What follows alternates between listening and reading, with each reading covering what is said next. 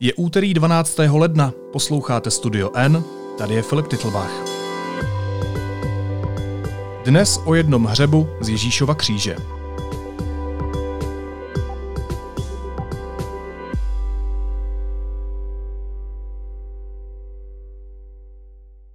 V českém mediálním prostoru se před pár dny objevila senzační zpráva. Archeologové prý objevili v Milevském klášteře schránku s odseknutou částí hřebu, z takzvaného pravého kříže, tedy kříže, na kterém zemřel Ježíš Kristus.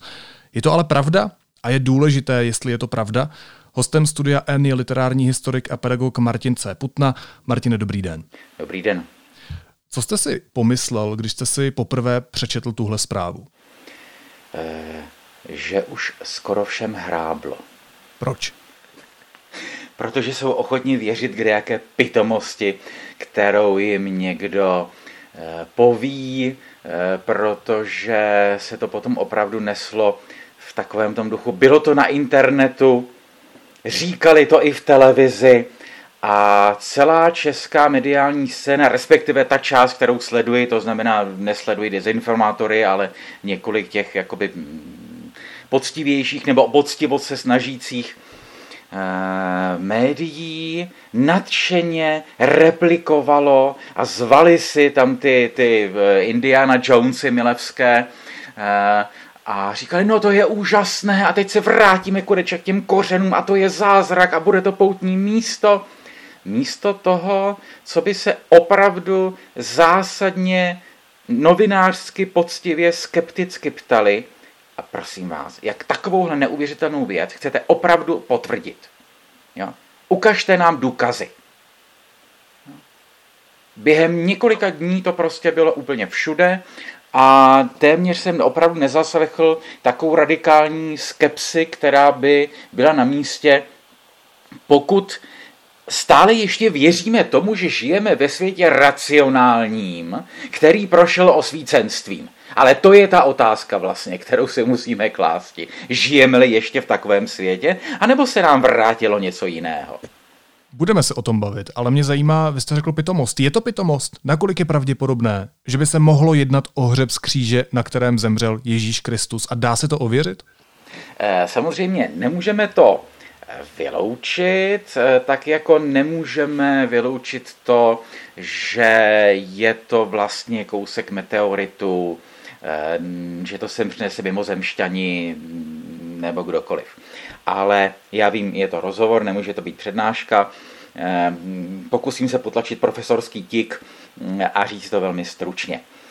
Kult relikví Ja? Jako je to pravda, co, co, to, eh, jako, co to je pravda? Teď se neptám jako Pilát, který se ptá před Ježíšem, co je pravda, ale tak, jak pravdu chápeme v tom osvícenském světě, to znamená eh, tvrzení, které je v souladu s fakty.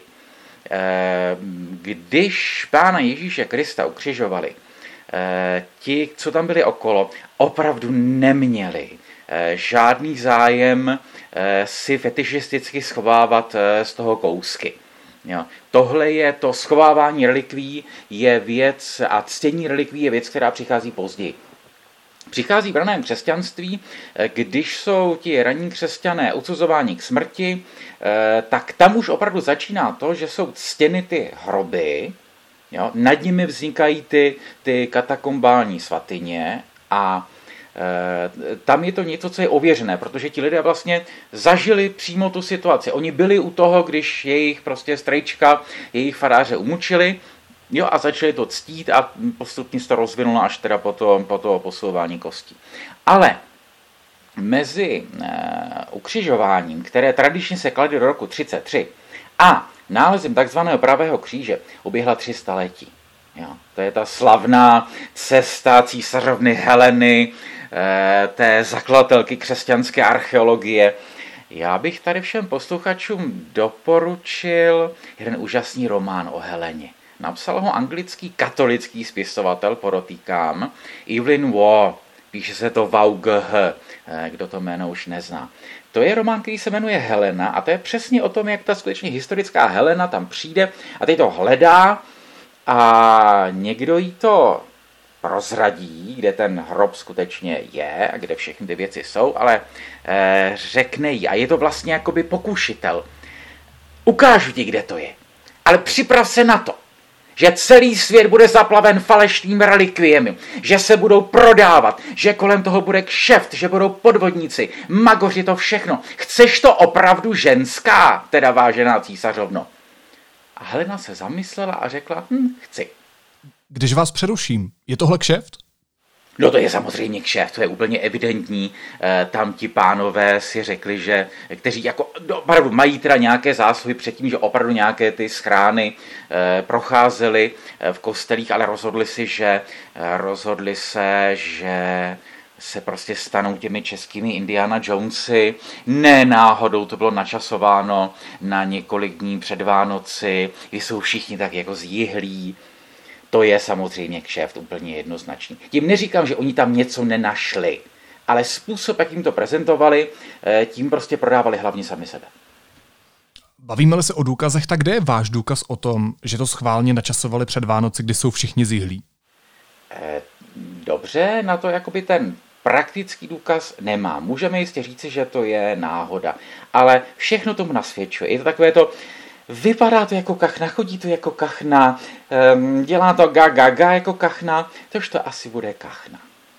A kachna, ano, a, to, a je to kachna navíc i v tom novinářském smyslu.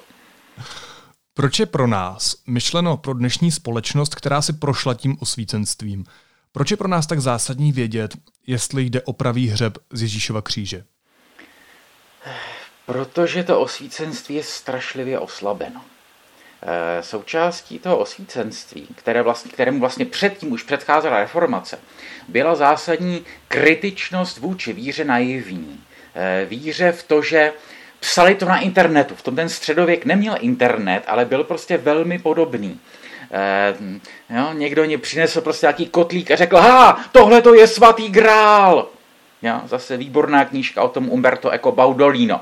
Jo? Našel jsem kotlík a řekl, no proč by to vlastně nemohl být svatý grál? A když tomu lidé budou dost dlouho důvěřovat, tak vlastně nějakým způsobem to je svatý grál.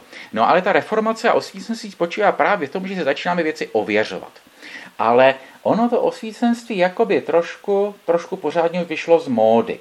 E, samozřejmě, i v té době osvícenské staly se prostě strašné věci v dějinách. A dnes procházíme jednou z těch fází, oslabení kritického rozumu. Eh, to, že lidé jaksi nejsou spokojeni s představou světa jakožto racionálně zařízeného, což neznamená světa, ve kterém není místo pro Boha a pro zázrak a pro takové věci. Ale ten Bůh je sedsakramensky transcendentní. Jo? A zázraky se projevují, jak říká, kde se Magor, když se ho ptali, ptali na eh, věříce na zázraky a on říkal, už jako starý muž, zázraky, že se probudím a jsem naživu. Eh, a my žijeme skutečně v době, kdy tak, tak prostě lidé opravdu zase věří všemu možnému.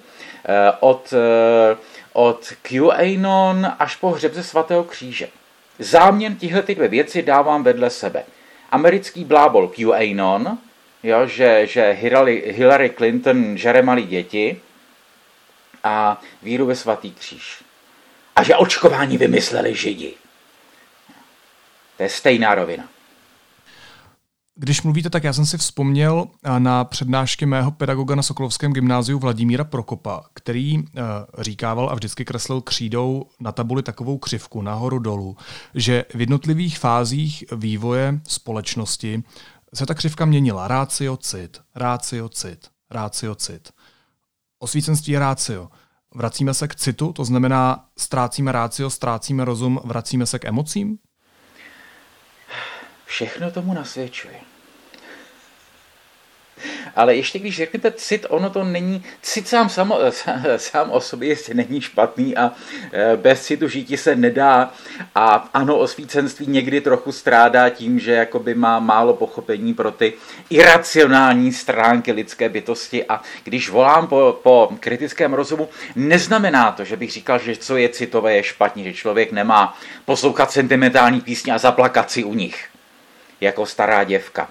Ale Eh, ten cit nemá nastupovat, ty pocity nemají nastupovat na to místo, kde je, eh, kde prostě má být rácio.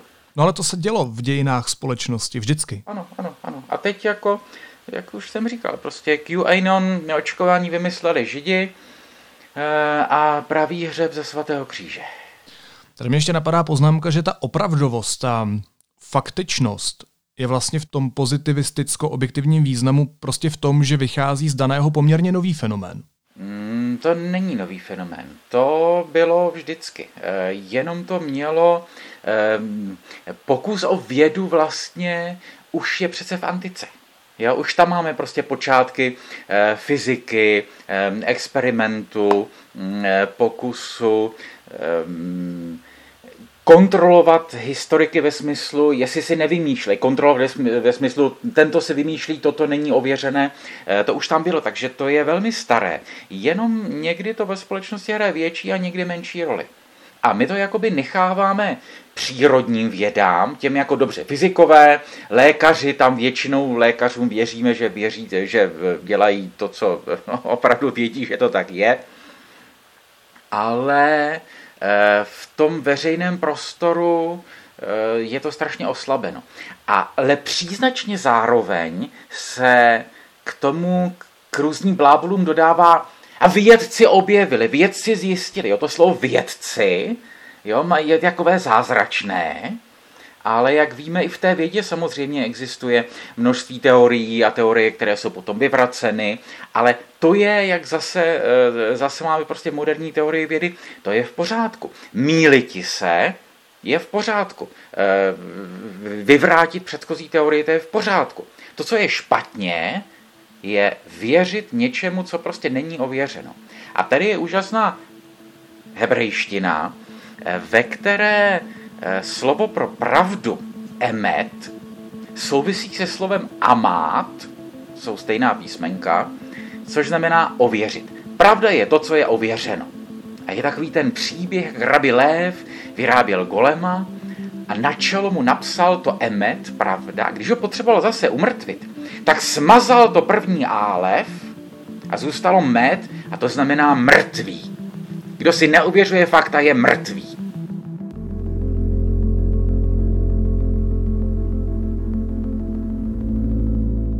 Když se vrátím zpátky k úvodu našeho povídání, k tomu konkrétnímu hřebu, o kterém se bavíme, který nemusí být z našeho dnešního pohledu fakticky z pravého kříže Ježíše Krista a zřejmě není, jak tvrdíte.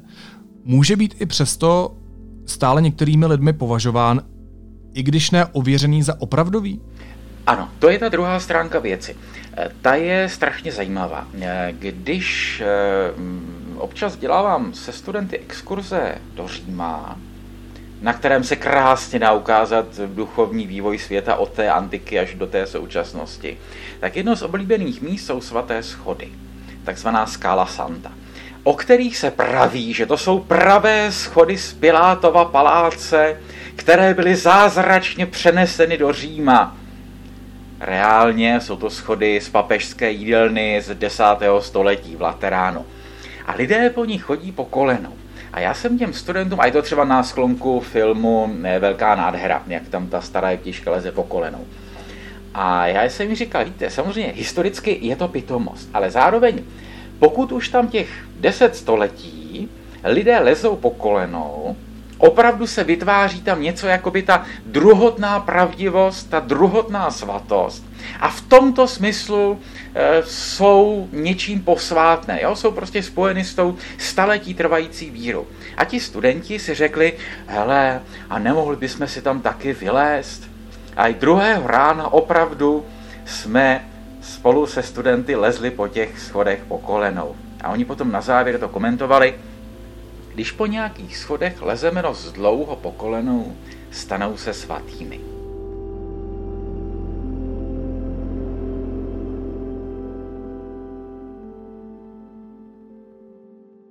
Jinými slovy, když je něco dlouho uctíváno, prostě vznikne tradice, která je sama posvátná. Přesně, úplně přesně to je ono. A problém je tady v tom, že eh, relikvie dochované ze středověku které byly takto uctívány po staletí, jsou pravé v tom druhotném slova smyslu, ať jejich původ jakýkoliv, historicky, faktograficky, ale pokud dejme tomu svaté schody nebo trnpáni, který ve svatváclavské koruně, eh, nebo rameno svatého Víta, na kterém vlastně stojí katedrála svatého Víta, je uctíváno tak dlouho, stává se pravdivým. V tomto smyslu tady ta milevská šaškárna eh, nemůže být nikdy pravdivá, protože aby byla relikvie pravdivá, musí být středověká. Ja? Musí s ní být spojena tradice. Pak je posvátná, pak je dobrá. Já jsem se v životě naklanil mnoha relikvím, ale prostě nemůžete objevit relikvii v 21. století. Jestli vám správně rozumím, tak může být středověká, může pocházet ze středověku, ale musí projít středověkem. To znamená, ten hřebík páně nemůže být druhotně pravý, svatý, protože je nový, protože neprošel tou středověkou realitou. Přesně tak. Přesně, přesně tak. No a to jste říkal, že se v tom nevyznáte a já myslím, že to chápete zcela přesně. Už se začínám chytat. No, ale Martine, mě pak ještě napadá. Nedávno před pár dny jsme tady měli Vánoce a všude, včetně sekulárního Česka, se stavili betlémy. A přitom to klasické stvárnění betléma, kde je jeskyně, volek, oslík a tak dál, tak to je taky odvozené z těch fiktivních legendárních apokryfů, spisů. Ano, samozřejmě. Eh, ale ty už jsou taky prastaré.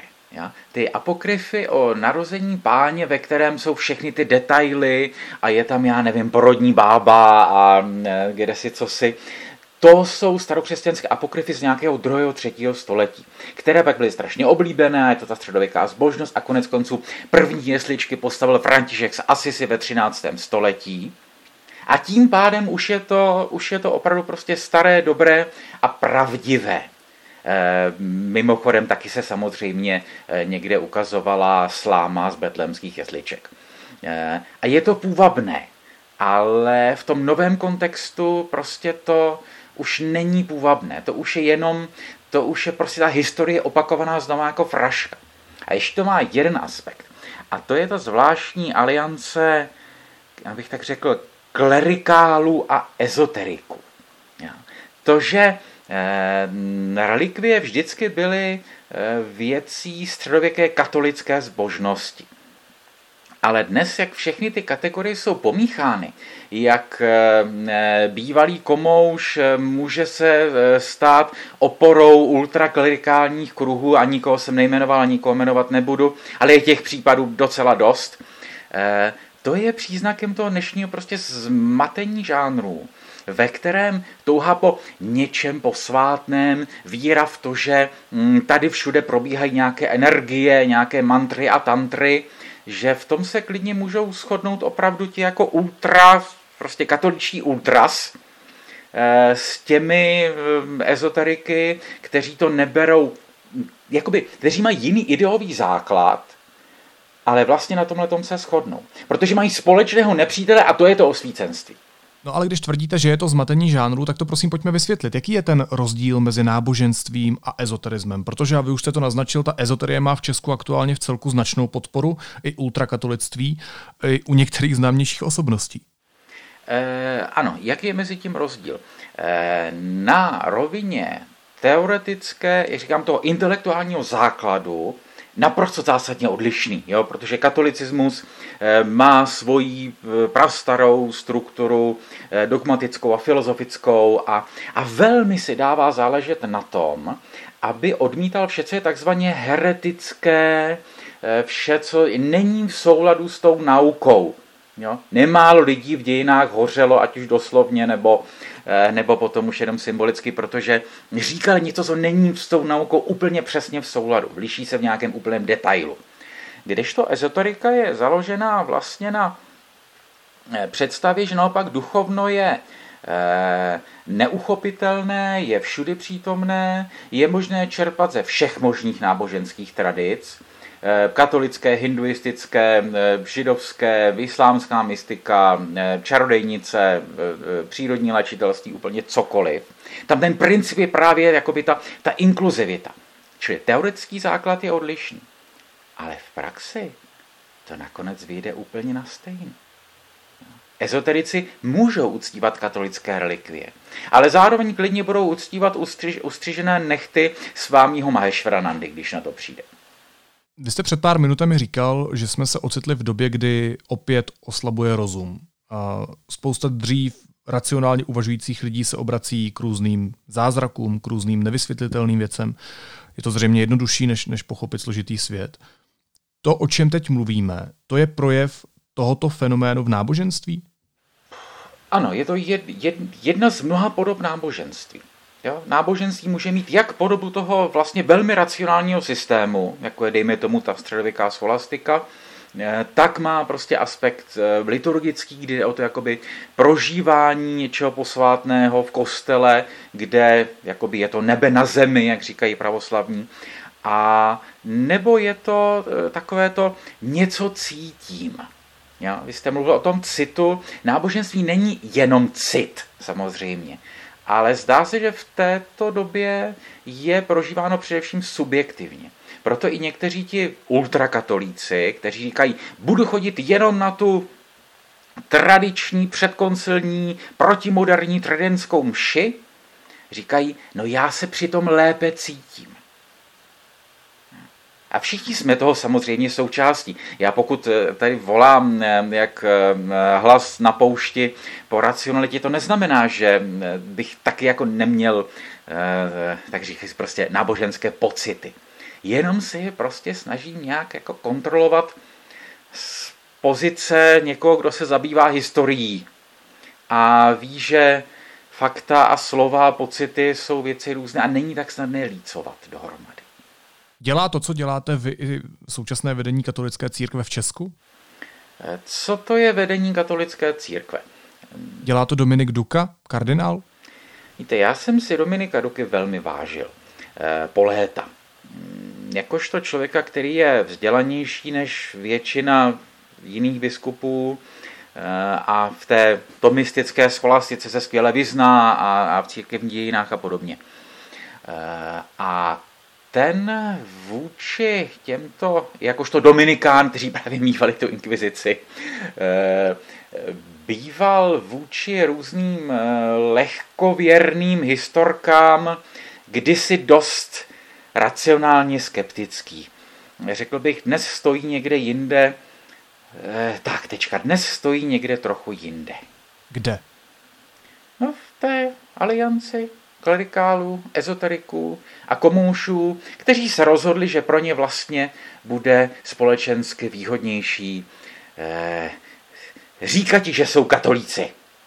Haha, to jak jsme si kdysi po listopadu 89 po revoluci představovali, že teď nastane to velké náboženské obrození, že teď se národ český vrátí ke Kristu. Hej, teď se to jakoby děje, teď se kde kdo jako říká křesťanské hodnoty, ale um, obvykle tím míní jenom mám strach z moderního světa, nerozumím mu a říká, že jsem kaťák, je dneska sexy.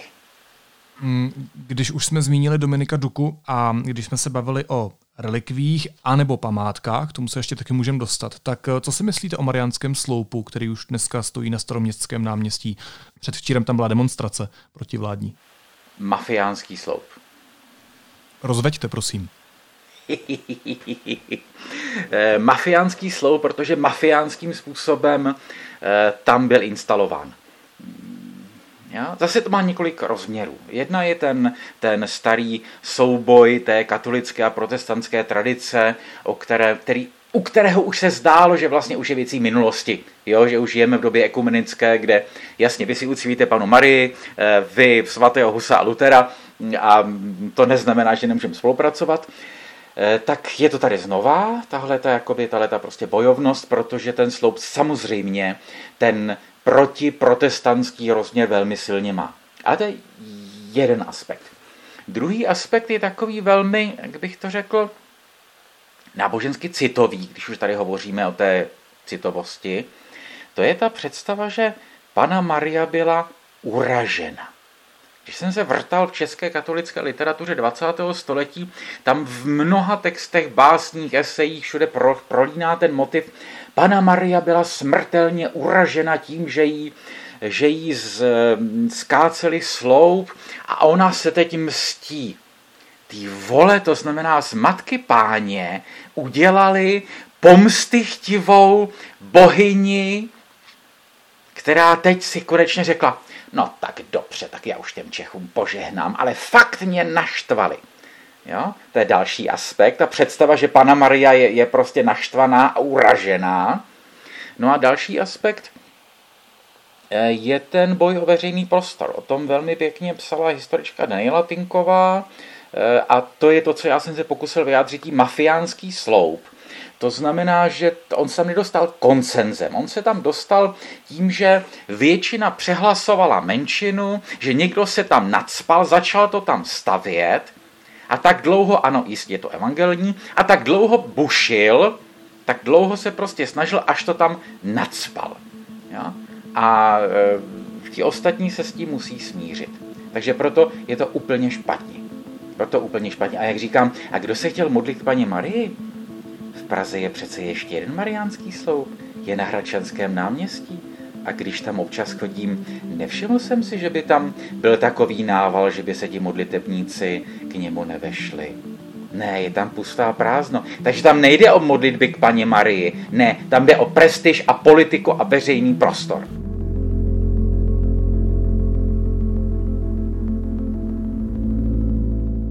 Má tohle postavení sloupu v centru Prahy a to tvrzení, že jsme tady v Česku našli Kristův hřeb, vidíte v tom nějaký společný prvek? No to je úplně evidentní. Eh, je to ten týž aspekt. Eh, je to eh, taková ta zvláštní reklerikalizace prostoru. A je to špatně? V této podobě je to špatně. Nebylo by to špatně, kdyby to skutečně jakoby vzcházelo... Ještě jinak to řeknu. Já jsem vlastně kdysi na přelomu 80. 90. vlastně u těch počátků taky trošku byl. A někteří z mých učitelů, konkrétně filozof Zdeněk Neubauer, eh, tohle to vlastně ne, ne, prosazovali právě není to správné slovo, kteří říkali, Pojďme se vrátit těm starým poutním místům. Pojďme znova chodit eh, na ta eh, opuštěná eh, místa a znova se tam modlit. Pojďme si uvědomit, kde jsou vlastně pohřbení čeští svatí. Je to součást naší historie. Pojďme se k tomu vrátit. Ono to naší duši něco dá. Jo, je to něco, co potřebujeme. Což samozřejmě v situaci po 40-letém bolševickém povídání, že všechno náboženství je špatně, bylo strašně důležité. Takže já sám jsem se napsal množství článků o svatováclavské koruně a jo, o té prostě předmoderní zbožnosti, ale jakožto o něčem, co nemá chtít vládnout, jako o něčem, co má chtít nabízet určitou jakoby jinou perspektivu, vnímat český stát jako něco, co nevzniklo až 1918, ale bylo tu od středověku, jo? ale ne to, co chce vládnout. A tady je prostě problém toho propojení s mocenskými strukturami. A ještě s něčím, co jsme samozřejmě tehdy vůbec nemohli se Zdeňkem a s dalšími tušit, eh, to, že mm, to bude mít ten eh, ultrapravicový odér, no to, že nejde jenom o konzervativní zbožnost jako takovou, ale to, to že prostě je čím dál tím zřetelní vázán na ty ultrapravicové kruhy. To nás tehdy ani nenapadlo na tom začátku 90. Dobře, ale proč si teda dneska nechá česká společnost nakoukat, že tady máme hřeb Ježíše? Proč si česká společnost nechá postavit v centru Prahy na staroměstském náměstí mafiánský sloup? Jak říkáte? Jistě ultrapravicové kruhy jsou součástí české společnosti. to nejsou ti druzí ve smyslu, že by tu nebyli. To my všichni jsme tady součástí těch, těch dialogů, jak by řekli ezoterici, těch energií, které se nějak potkávají. A na jedné straně je tady ta potřeba ze zdola, touhy po nějakém nábožnu, nějakém posvátnu. A z druhé strany je ta prostě restaurační ultrapravicová parta, která je neuvěřitelně agresivní. Jo, k tomu eh, světu osvícenskému, čili chceme-li Masarykovskému, Čapkovskému, Havlovskému, patří i stát zdvořilost. Eh, patří jisté dodržování pravidel. Jo, jistý pokus o noblesu. Jo, přece nebudu se s někým rvát, budu vysvětlovat argumenty, když to nepovede, no tak se zkusíme nějak dohodnout. Když to tahle ta parta, ty navazující na staré české fašouny ze 30. let a podobně, ta se prostě narve, ta se, ta se eh, prostě do toho prostoru vecpe a použije všechny možnosti. Tak jako to vidíme podobně při eh, obsazování českého rozhlasu a české televize tou též partou, to je prostě stále to též. Oni prostě chtějí moc. A to je, to, eh, to je ta velká slabost čapkovských centristů, chceme-li, že se snažíme být slušní. Což není vždy efektivní obrana. Ano, a přesto je zapotřebí eh, se té slušnosti držet, protože když nebudeme slušní, tak budeme jako oni. Oni můžou vyhrát eh, politicky. Jo? Je možné, že český sekulární svět ztratí další svoje bašty, ale přesto nemůže rezignovat na nějaké základní morální principy, na kterých stojí. A nemůže se touhle v uvozovkách slabinou toho svého systému samo zničit tím, že dá prostor a že tyhle bojůvky budou silnější, větší a dokážou přemoct to havlovské Česko, o kterém jste mluvil? To, které ve mně třeba vyvolává nostalgii, ne aktuálnost. Ano, je to možné, do velké míry se to děje. Zase, když se díváme na dějiny 20. století, tak vidíme, že různé prostě extremistické síly, rudé nebo hnědé, prostě nastupovaly. České fašounství nebo české komoušství. Ehm, ano, je to možné, ale to neznamená rezignovat na principy. To je to, co když jsme na začátku vůbec hovořili o náboženskosti, co to je náboženství. No tak já myslím, že prazákladem náboženství je věřit, že dělám to, co je správné. Dokonce i když v tomto světě prohraju. To jsou ty křesťanské hodnoty, které ale právě tihle lidé vykládají přece úplně jinak v dnešní době.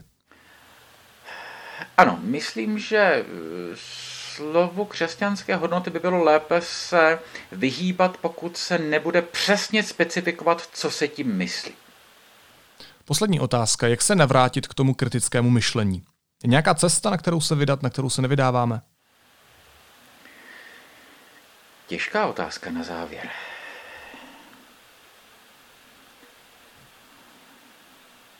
Snažit se držet aspoň některé bašty. Eh, aspoň některých škol, aspoň některých médií. Je možné, že se na nás valí něco strašného. Eh, ale znovu ty české dějiny nás učí, že vždycky byli ti, co se nevzdali, no tak se prostě člověk nesmí vzdát. Říká literární historik a pedagog Martin C. Putna. Martine, moc vám děkuju. Za málo, za málo. Mějte se hezky. Vy A teď už jsou na řadě zprávy, které by vás dneska neměly minout.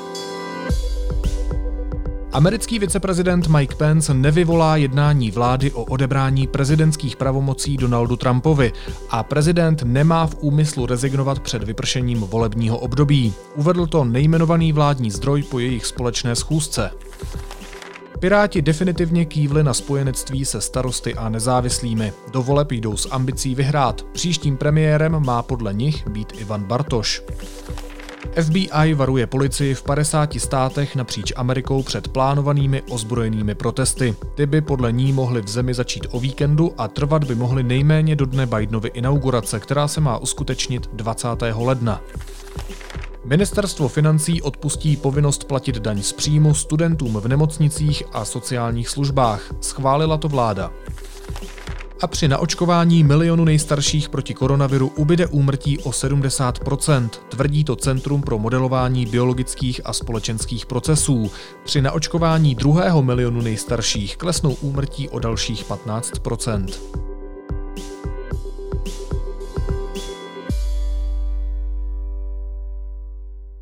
A na závěr ještě jízlivá poznámka. Polský ministr zdravotnictví začal mluvit o takzvané české variantě koronaviru. Chce snad říct, že kromě toho, že zabíjí, tak taky ještě krade, lže, podvádí a dostává na to dotace? Naslyšenou zítra.